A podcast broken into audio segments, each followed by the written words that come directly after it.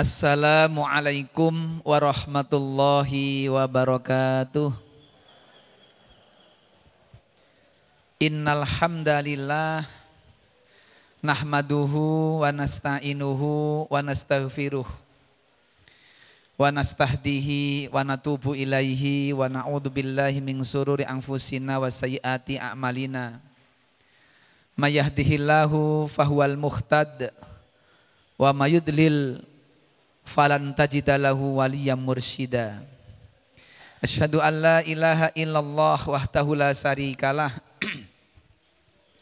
Wa asyhadu anna Muhammadan abduhu wa rasuluhu la nabiyya wa la rasula ba'dah. Allahumma salli ala sayyidina wa habibina wa syafi'ina wa kudwatina wa qurrati a'yunina Muhammad wa ala alihi wa ashabihi wa man tabi'ahu bi ihsani ila yaumil qiyamati. Faya ayyuhal ikhwah, faya ibadallah, usikum wa iyaya nafsi bitaqwallah. Haitsu yaqulu azza wa jalla fi kitabihil karim. A'udzu billahi minasyaitonir rajim. Ya ayyuhalladzina amanu taqullaha haqqa tuqatih wa la tamutunna illa wa antum muslimun. Wa qala Rasulullah sallallahu alaihi wasallam Ittaqillaha haitsumma kunta wa adbi sayyi'atal hasanata tamhuha wa khaliqin nasa bihulukin hasanin Allahumma la sahla illa ma ja'altau sahla wa anta taj'alul hazna idza syi'ta sahla Allahumma inna nas'aluka ridhaka wal jannah wa na'udzubika min sakhatika wan nar. Amin amin ya mujibas sailin. Sadaqallahul adim wa sadaqa rasuluhul karim. Yang terhormat Ketua Yayasan, Pembina, Penasihat Yayasan, yang kami hormati para bapak, para ibu, jamaah kajian rutin Jumat sore, yang mudah-mudahan senantiasa dirahmati Allah, dimuliakan Allah dan dijaga kesehatannya oleh Allah Subhanahu wa taala. Mari mengawali majelis kajian sore hari ini kita hadirkan hati untuk mensyukuri nikmat-nikmat Allah. Nikmat yang sangat banyak nikmat yang tak terhitung. Nikmat yang harus kita syukuri dengan disyukurinya nikmat janji dari Allah maka kita akan ditambah nikmat tersebut.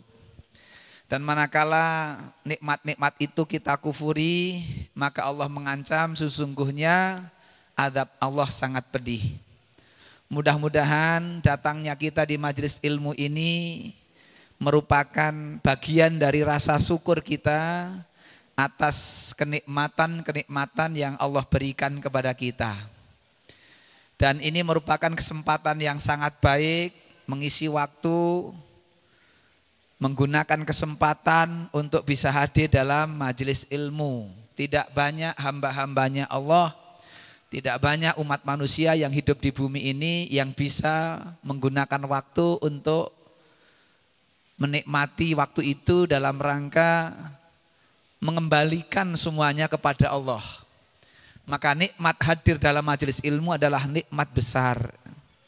Mudah-mudahan Allah membimbing kita sehingga kita semakin memahami agama ini. Ada tiga yang harus kita wajib ketahui yaitu ma'rifatullah, ma'rifatul rasul dan ma'rifatul din.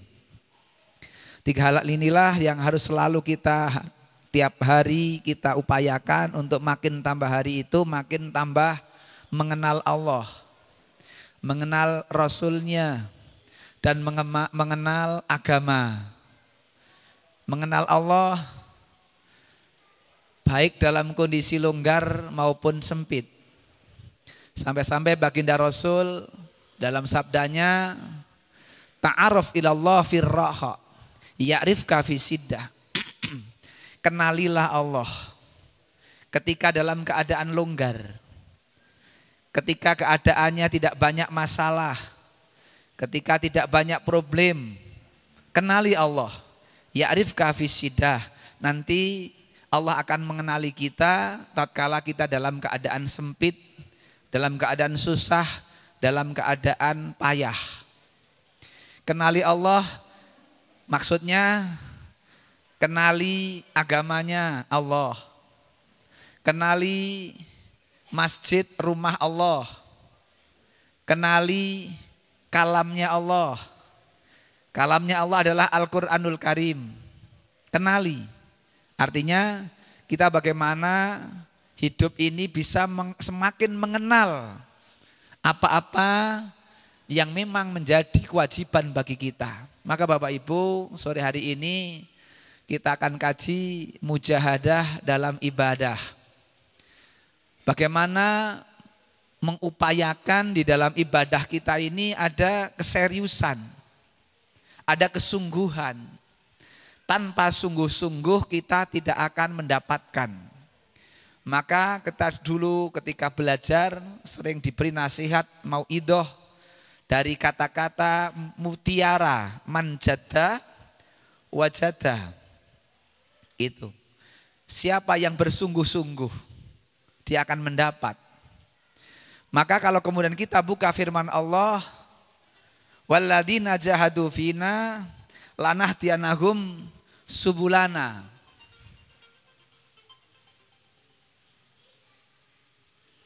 Walladina jahadu fina lanahdiyanahum subulana. Surat apa anak-anak? Ada yang tahu? Baru ngaji. Sebentar baru ngaji. Ya. Surat apa? Ada yang tahu? Surat Al-Quran. Surat Al-Quran pasti ya. Walladina jahadu. Walladina jahadu fina lanahtianahum subulana.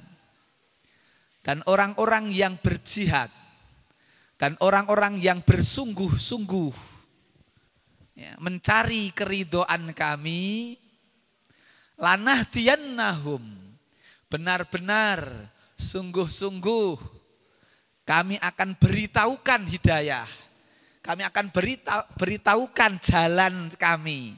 Lanah dianahum subuh lana. Dari sinilah, dari ayat inilah Allah menunjukkan kepada kita seberapa kesungguhan kita, seberapa mujahadah kita, Allah akan memberi jalannya. Jadi jalan itu bergantung kepada kesungguhan. Hidayah itu, hidayah Allah itu bergantung kepada kesungguhan kita. Artinya antara hidayah dan kesungguhan itu berbanding lurus. Seberapa hidayah yang akan kita dapat, seberapa pula kesungguhan yang kita telah keluarkan. Tanpa sungguh-sungguh kita akan kesulitan, kita akan berat, kita akan malas. Maka Bapak Ibu sekalian, rukun Islam yang lima, rukun Islam yang lima, tanpa sungguh-sungguh kita tidak mampu untuk mengamalkan. Rukun Islam yang pertama adalah syahadat. Inilah pengorbanan lisan. Tanpa sungguh-sungguh berat kita berucap syahadat. Apalagi yang memang dia beragamanya bukan dari lahir. Beragama Islam. Maka baru saja kita ditinggal sosok Orang yang mengantarkan ribuan orang untuk bersungguh-sungguh dalam bersahadat. Saya mengikuti prosesi beliau meninggal sampai dimakamkan, sakit sampai meninggal, kemudian dimakamkan, nangis saya. Begitu sungguh-sungguhnya beliau membela Islam, membela kaum muslimin, Itulah yang kemudian satu bulan lebih ya, sudah satu bulan lebih yang namanya Koh Stephen, Allah yarham, dengan MCI-nya, Mu'alaf Center Indonesia. Kita baru tahu setelah beliau meninggal, yang bersahadat lantaran wasilah dari beliau 58 ribu orang mu'alaf. Tidak sedikit, 58 ribu orang masuk Islam. Nabi bersabda, siapa yang bisa mengantarkan seseorang mendapatkan petunjuk Allah sehingga dia mengenal Islam, itu dapat pahala, pahalanya sekaliber ya. Pahalanya sepadan dengan onta merah kalau saat itu armada terbaik di zaman Nabi. Unta merah. Kalau makam Makbaroh, kuburnya Koh Stephen itu bisa diintip, maka mungkin di makam itu berjajar Pajero 58 ribu berjajar di kuburan. Itu kalau kemudian kita lihat bagaimana armada terbaik saat itu. Kalau dibandingkan armada hari ini. Dari mana? Dari kesungguhan. Ketika beliau umroh, melihat orang-orang sipit kok ada di tanah suci ikut renovasi Masjidil Haram, kaget beliau. Akhirnya beliau dekati, beliau bawa makan, beliau bawa minum. Sodakoh kepada mereka, diajak dialog, ditanya, agama kalian apa? Saya tidak punya agama. Itu orang satu camp, hidup dalam satu camp 317 orang. Akhir terjadilah dialog, beliau dakwai mereka, 317 orang itu bersahadat semuanya. Masuk Islam. Kita kadang-kadang berpikir, kita sudah sungguh-sungguh belum. Sementara umur yang diberikan Allah kepada kita, satu kali 24 jam sama. Hanya berbedanya apa? Kesungguhan. Beliau bisa berkiprah luar biasa. 317 orang masuk Islam berbondong-bondong bersahadat. Mentohidkan Allah. Sampai Syekh Sudes kagum. Siangnya beliau memualafkan satu camp. Orang-orang Cina malamnya dijemput tentara dijemput, dibawa keluar dari hotel kaget, beliau sudah berpikir negatif. Waduh, saya akan kesulitan pulang ke Indonesia. Saya akan dapat masalah kalau seperti ini gitu perkiraan hati beliau. Ternyata apa? Ternyata diundang ke rumahnya Syekh Sudes. Imamnya Imam Masjidil Haram. Imamnya para imam.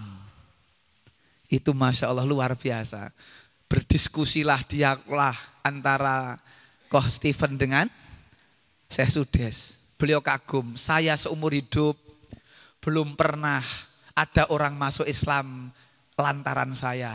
Tapi Anda ini sekali ketemu 317 orang masuk Islam. Mari kita coba renungkan ini. Sudah seberapa kesungguhan kita membela Islam dan kaum muslimin ini. Sampai tidak hanya itu Bapak Ibu sekalian, anak-anak sekalian, WTS pun beliau dakwai. Ini yang kita belum sampai nyandak sampai situ. Wanita-wanita tunasusila yang di pinggir-pinggir jalan, beliau sambangi, beliau ampiri. Ditanya, satu malam kontrakmu berapa? 500 ribu, masuk, masuk mobil. Ternyata apa? Setelah masuk mobil, diajak muter-muter, masukkan ke dalam masjid. Cekeli Quran, diberi mukena rukuh. Satu malam satu juta. Tenguk-tenguk ning masjid, iki Qurane, iki mukenane, arek opo sampean. Akhirnya mereka sadar jadi orang baik. Itulah orang-orang yang menggunakan waktu umurnya untuk bermujahadah bersungguh-sungguh mengantarkan orang untuk mendapatkan hidayah. Ini luar biasa. Maka pengorbanan pertama dalam rukun ibadah rukun Islam adalah syahadat, pengorbanan lisan. Yang kedua, kedua adalah sholat, rukun kedua. Ini adalah pengorbanan waktu. Kita kadang iman dengan waktu kita ini. Untuk sholat itu nunggu jamaah itu berat. Eman gitu. Untuk bisa nunggu jamaah eman. Sholat jamaah eman. In, tanpa ada mujahadah, tanpa ada kesungguhan berat sudah. Makanya sering kita mendengar atau bahkan ucapan kita sendiri. Se tak sholat sedilit. Tak sholat sebentar. Ini menunjukkan bahwa kita itu eman terhadap waktu. Padahal rukun Islam yang kedua adalah sholat. Pengorbanan waktu. Berapa banyak orang sholatnya waton sholat. Yang penting gugur ke kewajiban. Yang penting melaksanakan sholat. Tidak ada tingkat kehusuan yang dicari. Waton jengkrak jengkrik Bahkan ada yang sholatnya seperti ayam, jago, mematok jagung. Pernah melihat ayam jago notol jagung? Adakah ayam jago notol jagung santai? Itu ayam jago ngantuk. Itu ayam jago kena penyakit. Mesti cepet, cetak, cetak, cetak, cetak. Lah ini kok dipraktekkan di sholat. Bahkan ketika itu kita bermakmum baru ashadu sudah salam. Pernah Bapak Ibu mengalami itu? Pernah ya? Baru kita belum atahiyat rampung baru ashadu Allah sudah assalamualaikum itu sang imam. Bacaan di dalam sholat belum rampung apalagi doa. Padahal diajarkan dalam riwayat doa sebelum salam. Minta empat perlindungan. Ini pun tidak sungguh-sungguh diamalkan. Allahumma inni a'udzubika min adabi jahannam. Wa min adabil kopri. Wa min fitnatil mahya wal mamat. Terus?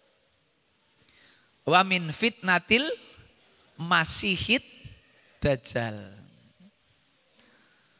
Nanti tanggal 3, seminggu lagi ya Pak, seminggu lagi akan ada rawuh ke sini Ustadz Muhammad Zulkifli Ali dari Payak Kumbuh.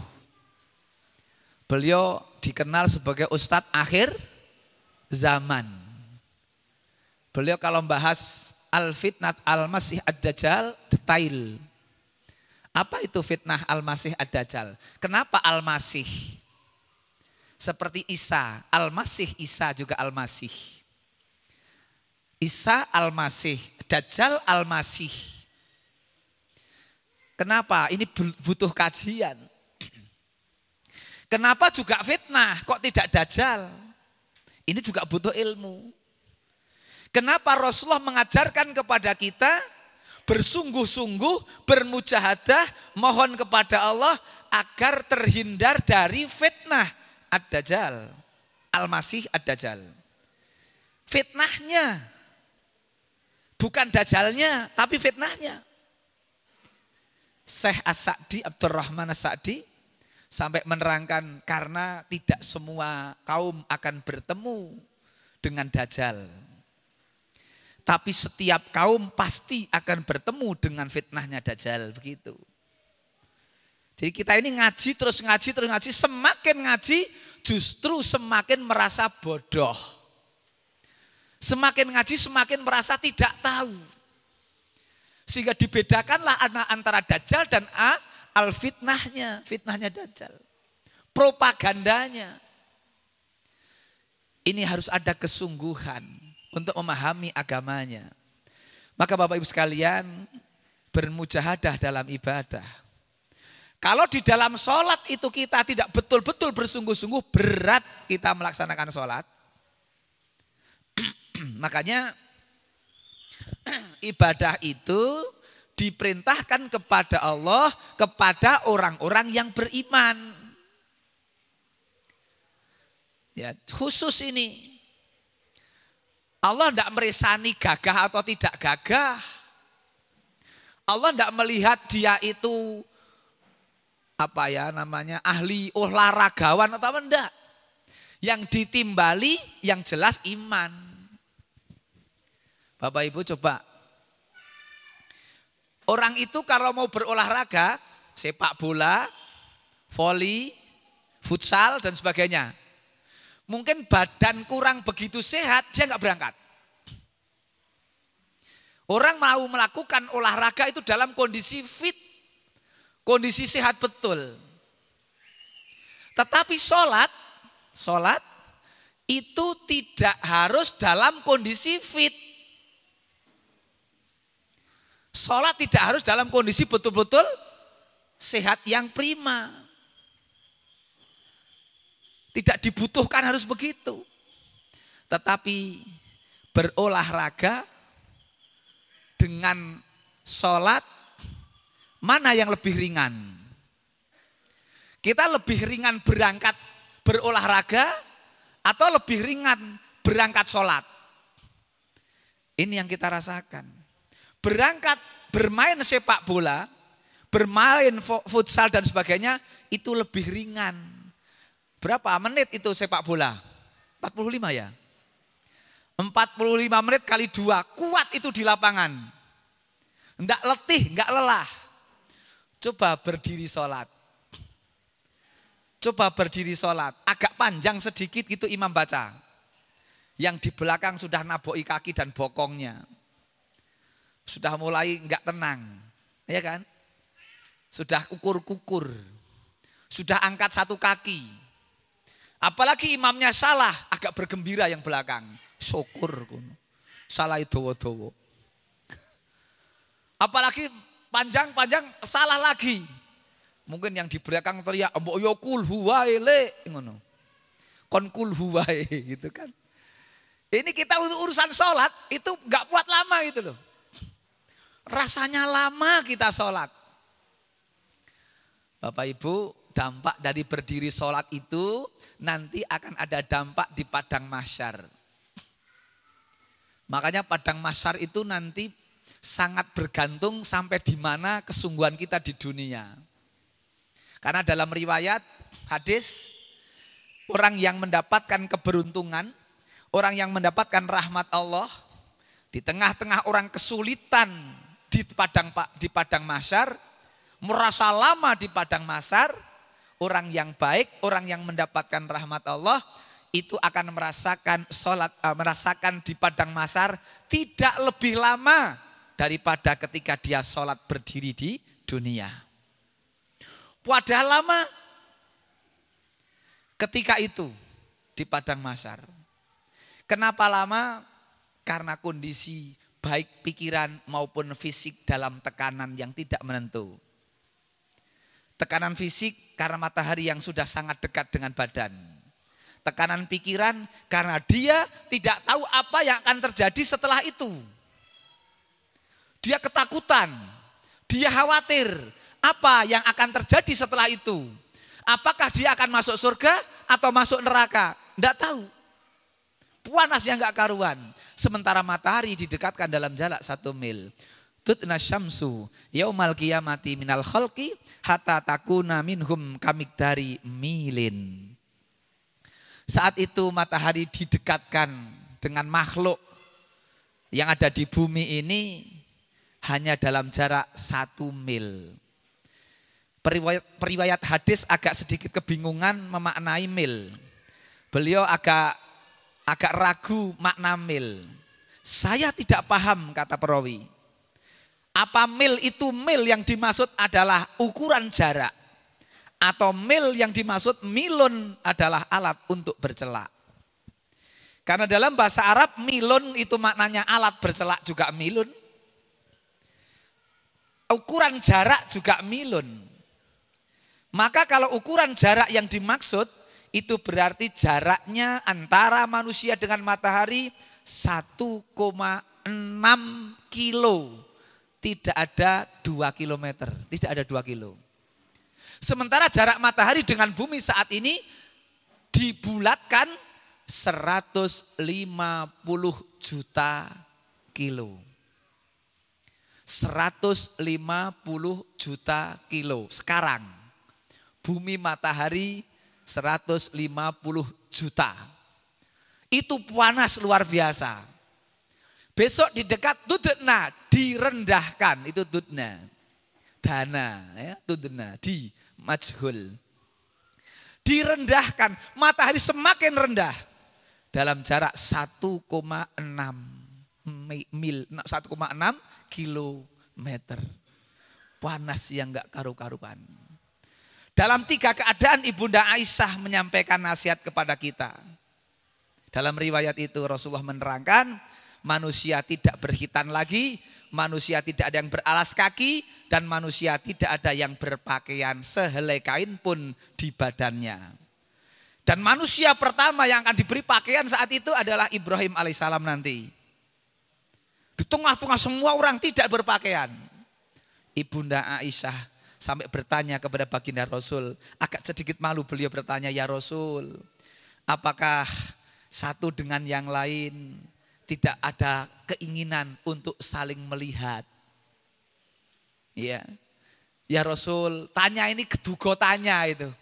Ibunda Aisyah tanya kepada baginda Nabi, "Ya Rasul, apa tidak ada keinginan seseorang melihat aurat seseorang yang lain?" Apa kata baginda Rasul, "Wahai Aisyah, keadaan saat itu jauh lebih menakutkan Nek cara basa Jawane ora kober ngono Bu. Ora kok kober. Saking mumetnya, saking gundahnya, saking galonya keadaan saat itu. Orang berdiri sangat lama rasanya. Sementara orang-orang yang baik, orang yang bersungguh-sungguh ketika di dunia mengisi hidup untuk menyiapkan akhirat, dia orang yang lama yang dirasakan bagi banyak orang sebentar bahkan lebih lebih sebentar daripada berdirinya ketika dia sholat di dunia. Ini Bapak Ibu, kadang kita diberi waktu untuk sholat aja, begitu pengen dan rampung sholat kita. Pengen dan segera keluar. Ada yang sudah enggak kober wiridan Enggak kober lagi zikir wirid. Yang penting pokoknya sudah. Yaitu sholat. Tidak sampai kemudian berpikir. Ada subhanallah. Alhamdulillah. Allahu Akbar. Enggak. Tidak sedikit yang begitu. Mau apa setelah itu? Padahal setelah itu tidak ada amalan, tidak mengamalkan amalan yang lebih afdol daripada wirid dikir. Tetapi untuk wirid dikir saja eman itu waktu. Bahkan sedih melihat bacaan panjang ketika imam membaca sholat dengan panjang.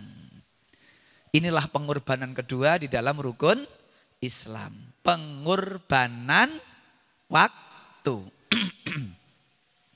yang ketiga, rukun Islam yang ketiga. Pengorbanan apa ketiga? Rukun Islam ketiga? Zakat. Zakat ini pengorbanan harta. Harta ini di dalam Al-Quran surat Yunus ayat 24 yang kemudian disebut oleh Allah adalah fitnah dunia. Innama mathalul hayati dunya kamain.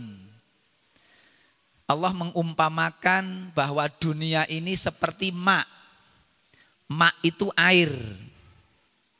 Harta, jabatan, kekuasaan, pengaruh, dan sebagainya. Ketenaran, rumah, kendaraan, dan semuanya ini adalah dunia. Allah mengatakan hanya innama masalul hayati dunya kamain. Sesungguhnya perumpamaan dunia itu hanya seperti air. Makanya beberapa beberapa kaul para ulama kenapa Allah mengumpamakan dunia air? Karena dunia itu bergantung siapa yang ketempatan. Air itu bergantung dia bertempat di mana. Kalau dia berada di gelas, dia akan mengikuti gelas. Dia berada di teko, dia mengikuti teko. Kalau dia di ember, dia mengikuti ember. Kalau dia di dalam dream, mengikuti dream. Dan seterusnya. Maka dunia itu berada di tangan siapa? Kalau dunia itu di tangan orang yang soleh, Nikmal malus soleh li abdin solih dalam hadis Nabi. Ini hadis yang pernah disabdakan oleh baginda Rasul di hadapan seorang sahabat yang baru empat bulan masuk Islam. Namanya Amr bin As radhiyallahu anhu. Beliau masuk Islam di Madinah, empat bulan baru masuk Islam, Rasul langsung kemudian memanggil beliau, setelah datang di hadapan beliau, Amr bin As suruh pulang. Kau kembali ke rumahmu, ambil senjatamu dan ambil pakaianmu. Senjata perang dan pakaian perang. Kemudian datanglah Amr bin As menghadap Rasulullah. Lah baik ya Rasulullah. Langsung kata Rasulullah, engkau panglima perang. Rasul menunjuk engkau apa kamu wahai Amr bin As menjadi panglima perang saat itu. Kalau tidak salah dalam perang Datus Salasil. Beliau menjadi komandan perang. Langsung apa kata beliau Amr bin As? Ya Rasul, saya masuk Islam bukan karena jabatan. Saya masuk Islam bukan agar saya mendapatkan rampasan perang. Saya masuk Islam bukan karena keinginan-keinginan dunia. Bukan karena itu. Beliau beralasan untuk menolak amanah Nabi sebagai panglima perang. Saat itulah kemudian Rasul bersabda, nikmal malus soleh li abdin soleh. Harta itu, nikmat harta itu menjadi soleh lah harta itu kalau harta itu di tangan orang yang soleh. Harta itu akan menjadi istimewa kalau harta itu di tangan orang yang soleh. Berarti kaya itu tidak apa-apa, yang penting soleh. Gitu kata Nabi itu. Lah kalau tidak kaya, tidak soleh, eh kok tidak kaya ya. Kaya tapi tidak soleh, wah ini bahaya. Kalau tidak kaya, tidak soleh ya juga bahaya. Lebih berbahaya adalah orang kaya tidak soleh. Ini lebih berbahaya. Karena dengan kekayaannya dan ketidaksolehannya, dia bisa berbuat yang perbuatannya tidak bisa diperbuat orang miskin. Dia bisa merusak. Maka Bapak Ibu, perjalanan panjang perjuangan Islam, Rasulullah berdarah-darah menyampaikan risalah ini, agama ini, 13 tahun di Makkah. Susah payah menyampaikan agama, ditolak di sana sini, terpaksa harus melakukan hijrah Ya, karena ini perintah Allah. Tinggallah Rasulullah di Madinah satu tahun, dua tahun, hingga delapan tahun. Bersungguh-sungguh Rasulullah. Agak ada kemudahan, ada, ada, agak ada kenikmatan, rasa senang, banyak teman, banyak sahabat, banyak pendukung. Setelah delapan tahun di Madinah. Maka Rasul membawa pasukan ke Madinah, eh dari Madinah ke Makkah sepuluh ribu pasukan. Kepunglah itu kota Makkah. Fathul Makkah, jatuhlah kota Makkah di tangan kaum muslimin. Para sahabat agak merasa nyaman, enak setelah jatuhnya kota Makkah. Tetapi kesenangan ternyata tidak lama. Kebahagiaan dunia tidak lama. Dua tahun setelah itu Rasulullah sedo. Rasul meninggal. Digantilah ketika itu kemudian Abu Bakar As-Siddiq. Setelah Abu Bakar As-Siddiq memimpin, umat Islam diuji lagi dengan kesulitan-kesulitan. Di antaranya adalah orang-orang yang enggan membayar zakat. Abu Bakar As-Siddiq radhiyallahu anhu harus memerangi orang-orang yang melaksanakan sholat tapi tidak mau membayar zakat. Habis sudah setelah itu perjuangan menyelesaikan persoalan internal umat Islam. Baru berpikir dakwah keluar lagi. Maka demikianlah sejarah mencatat baginda Rasul meninggalkan para sahabat-sahabat yang handal. Mereka tidak pernah berhenti dari dakwah, berjuang, bersungguh-sungguh mengenalkan Islam, menyampaikan risalah Islam kepada orang-orang yang jauh di sana, bahkan menyeberangi lautan pun dilakoni, dilaksanakan. Sudah seberapa kita mengikuti suri tauladan Rasul dan para sahabat? Maka Bapak Ibu kalau kita buka Al-Quran, Allah memuji sahabat dengan kalimat kuntum khaira ummah. Kenapa Allah tidak menggunakan kata antum? Kenapa pakai kuntum? Inilah ilmu. Kalau jenengan buka terjemah, antum dan kuntum sama itu penerjemahannya. Kalian adalah umat terbaik. Itu baik kuntum maupun antum ya begitu. Tapi kalau paham bahasa Arab, kuntum itu artinya fi'il madhi.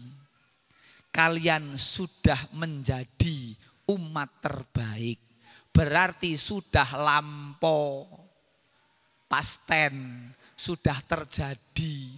Umat terbaik ini sudah berlalu, yaitu sahabat-sahabat Nabi. Maka pakai kuntum, buka pakai antum. Kuntum hoiro ummatin. Surat apa? Anak-anak, surat Al-Quran. Surat apa? Ali Imron ayat 110 insya Allah kalau nggak salah ya. Kalau nggak salah surah Ali Imran 110.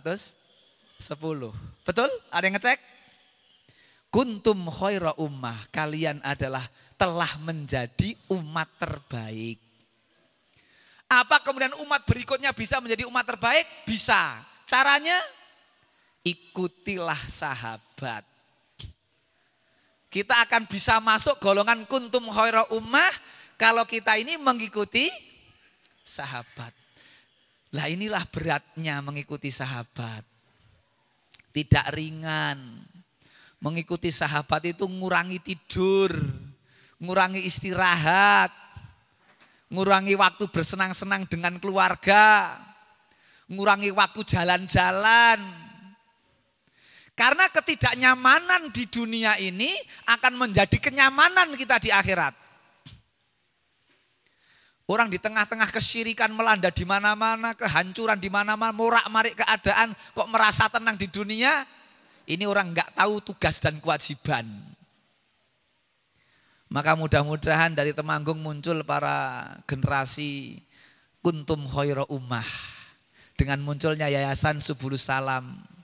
Dengan mendidik generasi-generasi para pemuda harapan pemudi. Betul ya? Para pemuda harapan harapan pemudi. Masya Allah. Tadi mendengarkan apa murotal awal apa akhir surat Ali Imran tadi ya nyaman sejuk sekali surat Ali Imran ayat akhir dan Rasul sering membaca ayat itu ketika bangun tidur itu inna fi khalqis samawati wal bahtila fil laili nahar dan seterusnya itu baginda Rasul bangun tidur membaca ayat itu kalau bangun sare dari tidur nyaman sekali mendengar bacaan ayat begitu kan luar biasa ada secercah harapan dalam dada ke depan mudah-mudahan generasi Qurani muncul di tengah-tengah kita. Amin insya Allah. Ini Bapak Ibu monggo disekuyung lah. Disengkuyung, didukung, didoakan. Ya, ini generasi muda yang luar biasa. Ya, akan ada semangat-semangat kuntum khaira ummah seperti sahabat. Sahabat itu ndak tenguk-tenguk kemulan sarung di Masjid Medina enggak. sahabat itu tidak tenguk-tenguk di Masjidil Haram makan enggak. Padahal kalau mereka itu iktikaf, mereka sholat lima waktu di Madinah, di Makkah, bijine, pahalane, tidak bisa diukur di Indonesia. Siapa yang sholat di Masjidil Haram Makkah seratus ribu kali lipat, kan begitu. Siapa yang sholat di masjidku ini kata Nabi Nabawi seribu kali lipat di masjid lainnya. Siapa yang sholat di Masjid Al-Aqsa Palestina 500 kali lipat. Apa dengan hadis itu sahabat kemudian tengok-tengok saja di Masjidil Aqsa, Masjidil Nabawi, Masjidil Haram? Enggak, mereka terus berdakwah. Dan tidak ada yang menghentikan dakwah sahabat kecuali kematian. Yang menghentikan dakwah sahabat hanya meninggal dunia. Tidak ada sahabat mau dakwah tidak jadi karena ngantar istrinya ke pasar enggak ada. ya, ini sekarang terjadi abot kan gitu. Karena istrinya ngajak tawaf di alun-alun bareng itu. Muter tawaf di alun-alun, keliling-keliling, jalan-jalan. Wah, dan merdeka banget ya. Ada Kadang-kadang saya kadang Mary juga sering-sering metu setane gitu. Hari Ahad, hari keluarga, wah sana kemari dengan anak, dengan istri. Padahal kita kadang Ahad ngalor ngidul ngitan ngulon eh. Mikiri umat, umat, umat umatan sisan. Akhirnya jarang kita bersama-sama kan begitu. Bapak Ibu sekalian, itu kedua, eh itu ketiga. Apa tadi pertama sahadat, kedua? Sholat, ketiga? Zakat, keempat? Fisik, pengorbanan fisik. Ya, puasa. Puasa itu fisik. Tanpa sungguh-sungguh kita berat bangun pagi untuk sahur. Begitu. Tanpa sungguh-sungguh kita berat untuk beribadah. Apalagi kok makan sahur, itu makan yang paling males. Paling aras-arasen. Siapa yang kalau makan sahur bisa tanduk ngacung? Jarang ya. Sahur kok tanduk, wah top, semego. Makanya undangan kita itu rata-rata undangan berbuka bersama. Nek undangan kok sahur bersama, yakin pamit is toh? Izin maaf. Tapi kalau berbuka bersama, yakin tidak izin, yakin hadir. Bahkan sing tidak puasa pun hadir minimal latihan bukoh. minimal latihan bukoh gitu loh. Makanya apa yang kemudian berbuka bersama mesti puasa? Tidak kelihatan. Wong puasa itu amalan yang tidak bisa dilihat. Maka kalau sudah musim bulan puasa, Masya Allah. Itu yang namanya berbuka bersama, berbuka bersama. Di mana, mana. Jajal diundang sahur bersama. Tangi merah. Abot. Fisik itu dikurangi. Pengorbanan pola makan berubah, pola istirahat berubah, tanpa kesungguhan berat. Ada yang puasa tapi tidak sholat lima waktu. Ada yang sholat lima waktu tapi tidak puasa. Macam-macam. Ini maghribnya jam berapa? Sudah habis? Oh belum. Nek sumur nonton demping telung leren ngoten nggih. Saya nggak tahu anu nih sini. Ini masih Indonesia atau nih jam pinten nih? EBIB. Jadi belum ya, belum arif. Sampun atau dereng? Dereng. Sampun. Oh sampun kok. Al Ustadz sudah ngendi kok sampun. Baik, itu yang beribadah yang belum rampung ini karena memang ini pengajian undangan jam berapa toh Bapak Ibu? Jam 4. Undangan jam 4 WIB. Waktu insya Allah berubah. Dari jam 5. Makanya kalau bisa gasik dari rodo katok gitu ya. Nanggung ini jam 5 saya baru mulai matur. Jadi yang ting masih pirang-pirang metu. Jadi muka-muka ora dadi wudun. Bapak Ibu sekalian, ini masih beberapa hal yang mesti saya sampaikan tapi karena waktu yang insya Allah sanes wedal sakitipun lajengaken. Ngoten nggih. Mugi-mugi sekedik menika wonten manfaatipun. Monggo jenengan datang Allah mengakhiri mendekati huruf bisamsi matahari terbit eh matahari terbenam mudah-mudahan kita berdoa diijabahi Allah Subhanahu wa taala. A'udzubillahi minasyaitonirrajim. Bismillahirrahmanirrahim. Alhamdulillahirabbil alamin hamdan syakirin hamdan naimin hamdan ghafirin hamdan yuafi ni'amah wa yukafi umazidah. Ya Rabbana lakal hamdu kama yambaghi li jalali wajhikal karim wa li adim sultanik. Allahumma salli ala Muhammad wa sallim wa radhiyallahu taala an kulli sahabati rasulil ajmain. La ilaha illa anta subhanaka inni kuntu minadh-dhalimin. La ilaha illa anta subhanaka inni kuntu minadh-dhalimin. Allahumma ighfir lil mu'minina wal mu'minat wal muslimina wal muslimat al ahya'i minhum wal amwat innaka sami'un qaribun mujibud da'wat ya qadiyal hajat. Allahumma ighfir lana walil mu'minina wal mu'minat wal muslimina wal muslimat wa alif baina qulubihim wa alif baina qulubihim wa aslih data bainihim wangsurhum ala adwika wa adwihim. Allahumma al-an kafarata ahlal kitab alladina yasudduna ang sabilik wa yukadzibuna rusulak wa yuqatiluna awliya'ak. Rabbana dhalamna anfusana wa illam taghfir lana wa tarhamna lanakunanna minal khasirin. Rabbana la tuzigh qulubana ba'da id hadaitana wa hab lana min ladunka innaka antal wahhab. Allahumma ij'al khaira a'malina akhiraha waj'al khaira a'marina khawatimiha waj'al khaira ayyamina yauma liqaika. Allahumma ahsin akibatana fil umuri kulliha wa ajirna min hizid dunya wa adabil akhirah. Allahumma ahsin akibatana fil umuri kulliha wa ajirna min dunya wa adabil akhirah. Allahumma aslih lana dinana alladhi wa ismatu amrina wa aslih lana dunyana allati ilaiha ma'asyuna wa aslih lana akhiratana allati ilaiha ma'aduna waj'alil hayata ziyadatan lana fi kulli khair waj'alil mauta rahatan lana min kulli syarr. Rabbana hab min azwajina wa dhurriyyatina qurrata ayuni waj'alna lil muttaqina imama Rabbana atina fid dunya hasanah wa fil akhirati hasanah wa qina adzabannar. Subhana rabbika rabbil izzati amma yasifun wa salamun alal mursalin walhamdulillahi rabbil alamin. Para bapak, para ibu, anak sekalian, demikian yang bisa kita sampaikan. Mudah-mudahan banyak manfaatnya untuk kita semua. Kita tutup subhanakallahumma wa bihamdika asyhadu alla ilaha illa anta astaghfiruka wa atubu ilaik. Assalamualaikum warahmatullahi wabarakatuh.